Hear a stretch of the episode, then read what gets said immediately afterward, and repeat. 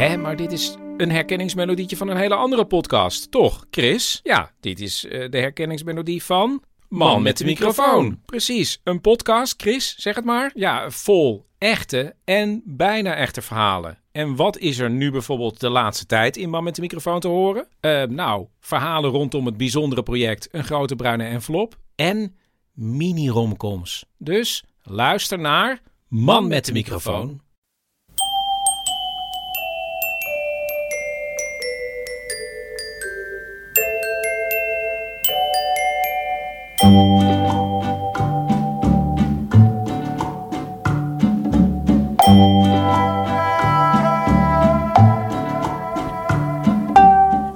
Welkom bij aflevering 22 van de Echt Gebeurd podcast, waar echt gebeurde verhalen worden verteld door de mensen die het zelf hebben meegemaakt. In deze podcast een verhaal van Pim de Kuijer. Het thema van de middag was politiek. En vlak voor Pim opkwam vertelde ik het publiek dat als ze deze podcast leuk vinden, ze dan ook een keer naar de Risk Show podcast moeten luisteren, waarin Amerikanen verhalen vertellen die ze nog nooit hebben durven delen met een groot publiek. De Risk Show, moet je maar even opzoeken op internet, heeft als subtitel Stories You Never Thought You Dare to Share. En nu Pim de Kuijer.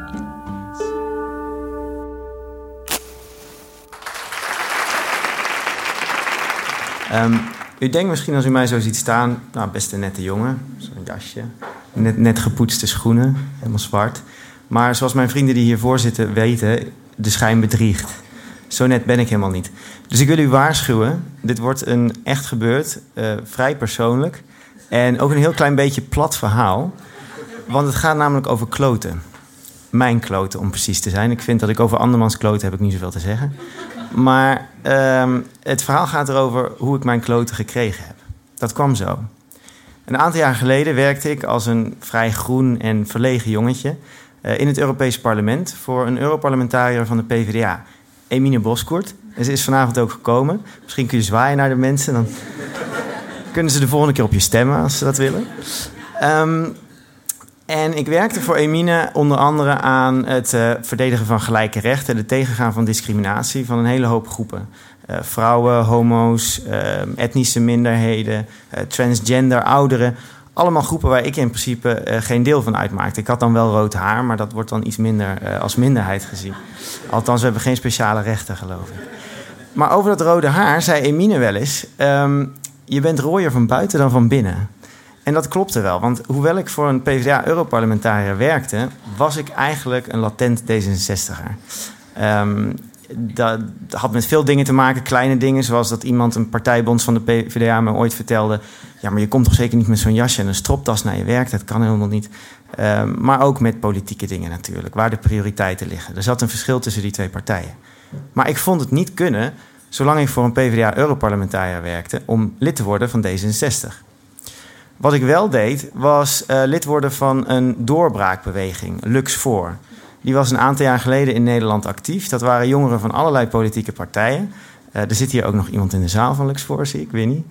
Um, en die wilden eigenlijk partijoverstijgend naar het politiek kijken. Ze vonden dat partijpolitiek, dat was toch iets van, van vroeger.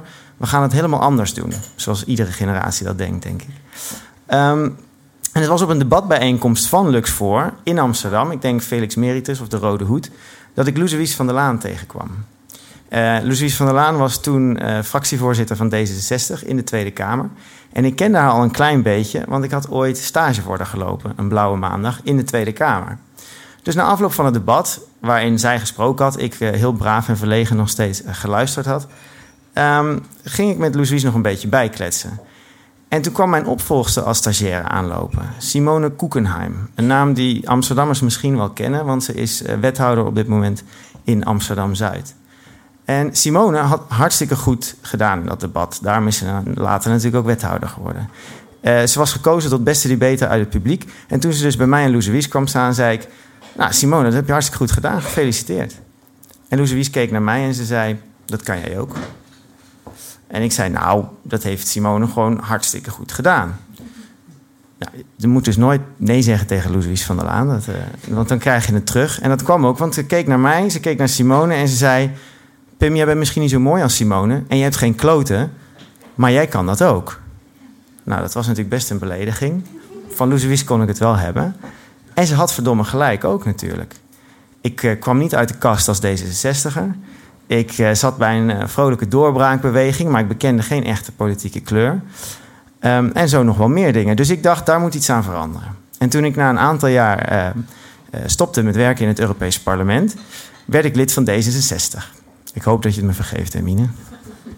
Maar um, uh, ik ging daarna een aantal jaar in het buitenland werken. Op, soms op moeilijke plekken. Kosovo, Sierra Leone, Maleisië. Alhoewel, dat, dat was niet zo'n heel moeilijk land natuurlijk. Mooie stranden. Uh, maar ik probeerde aan die kloten te werken eigenlijk. Dat, dat wilde ik doen met al die moeilijke landen, moeilijke opdrachten en moeilijke missies. Uh, ik ging leren duiken, ik ging bergen beklimmen, de jungle in. Maar mooier werd ik er niet van. Dat kunt u zelf zien. Maar, en die kloten, dat kwam ook niet zo heel hard. Dus na mijn twee jaar in Maleisië, afgelopen januari, dacht ik nog één keer een, een, een lange reis te gaan maken. En ik begon te reizen door Zuidoost-Azië, uh, China, Mongolië, Rusland, om weer naar Nederland terug te komen. En wie kom ik in Peking tegen, halverwege mijn reis? Louise van der Laan. Puur toevallig zat een afspraak met de Communistische Partij, vraag me niet waarom. Uh, maar ze wist dat ik in Peking zat, stuurde mij een mailtje en we spraken af om wat te gaan drinken. En we kletsten over een hele hoop dingen bij. Uh, en een van die dingen was natuurlijk politiek. En Louise vroeg aan mij: Pim, wat ben je nou eigenlijk zelf van plan? Als je nou eindelijk terugkomt in Nederland, ga je dan de politiek in? Ga je voor D66 werken? Ga je weer terug naar de PvdA? Wat, wat is nou eigenlijk je plan? En toen ik daar weer een beetje twijfelachtig en halfslachtig op antwoordde, toen zei Louise: Weet je wat het probleem met jou is? Je bent veel te diplomatiek. Je wilt iedereen naar de zin maken. Je moet gewoon in de politiek kleur durven bekennen, ergens voor durven staan en een groep of een idee vertegenwoordigen. Het is jammer eigenlijk dat je zelf geen minderheid bent, want minderheden weten wel hoe ze moeten knokken. Je bent geen allochtoon en je bent ook al geen homo. Toch? nou, over rooier van buiten dan van binnen gesproken. Toen kreeg ik wel een kleur. En ik moest uiteindelijk tegen Louise zeggen, iets wat ik nog nooit tegen iemand had gezegd, zelfs niet tegen mijn eigen moeder, dat ik wel een minderheid was en dat ik homo was en ben. Nou, Louise was meteen dol enthousiast. En uh, ze, ze wilde me meenemen naar een homodiscotheek in, uh, in Peking, waar ze van had gehoord. Destination Bar voor de geïnteresseerden. Um, en ze wilde een singlesfeest voor mij organiseren in uh, Den Haag. Daar wacht ik nog steeds op, maar goed. Dus als er mensen nog uit de kast moeten komen, ik raad het je aan om bij Louise van der Laan te doen. Ze gaat, meteen, ze gaat meteen voor je aan de slag. Maar het resulteerde er wel in dat ik uiteindelijk vandaag hier sta. Om ook een beetje eindelijk het verhaal te doen wat ik al die jaren niet heb durven zeggen. En om te zeggen dat ik nu dus eindelijk die kloten heb. Om te kunnen zeggen dat ik iemand zoek in het leven die ze ook heeft. en daarmee. En daarmee ook dank, dank te zeggen aan Emine en aan Wies. Uh, beide dames in de politiek die me hebben laten zien dat de politiek, net als de rest van het leven natuurlijk, maar de politiek is geen plek voor bange mensen, denk ik. Dat is de moraal van mijn verhaal. Dank u wel.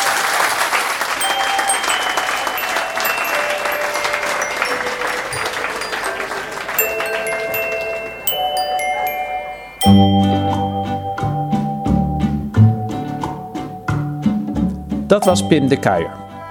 Iemand die we nog veel gaan horen, denk ik. En als je niet kan wachten, volg hem dan gewoon op Twitter. Pim de K. Als Pims verhaal ons één ding leert, is het wel dat je soms op reis moet om jezelf te vinden. Klinkt misschien wat suf, maar het is wel zo. Heeft u zelf een bijzonder verhaal te vertellen of durft u het aan om een keer voor te lezen uit uw puberdagboek? Neem dan contact op, want we zijn altijd op zoek. Ga naar www.echtgebeurtintoemler.nl, dat is een lang woord zonder puntjes. En www.echtgebeurtintoemler.nl kunt u zich ook inschrijven voor onze nieuwsbrief. Echt Gebeurd is ook te vinden op Facebook. De redactie van Echt Gebeurd bestaat uit Paulien Cornelissen, Rosa van Dijk, Eva Maria Staal en mijzelf, Micha Wertheim. De techniek is in handen van Vrijman en Vrijland. Dit was de 22e podcast van Echt Gebeurd. Bedankt voor het luisteren en tot de volgende podcast. Maar vergeet niet dat als je jezelf zoekt, je eerst Louise van der Laan moet zien te vinden.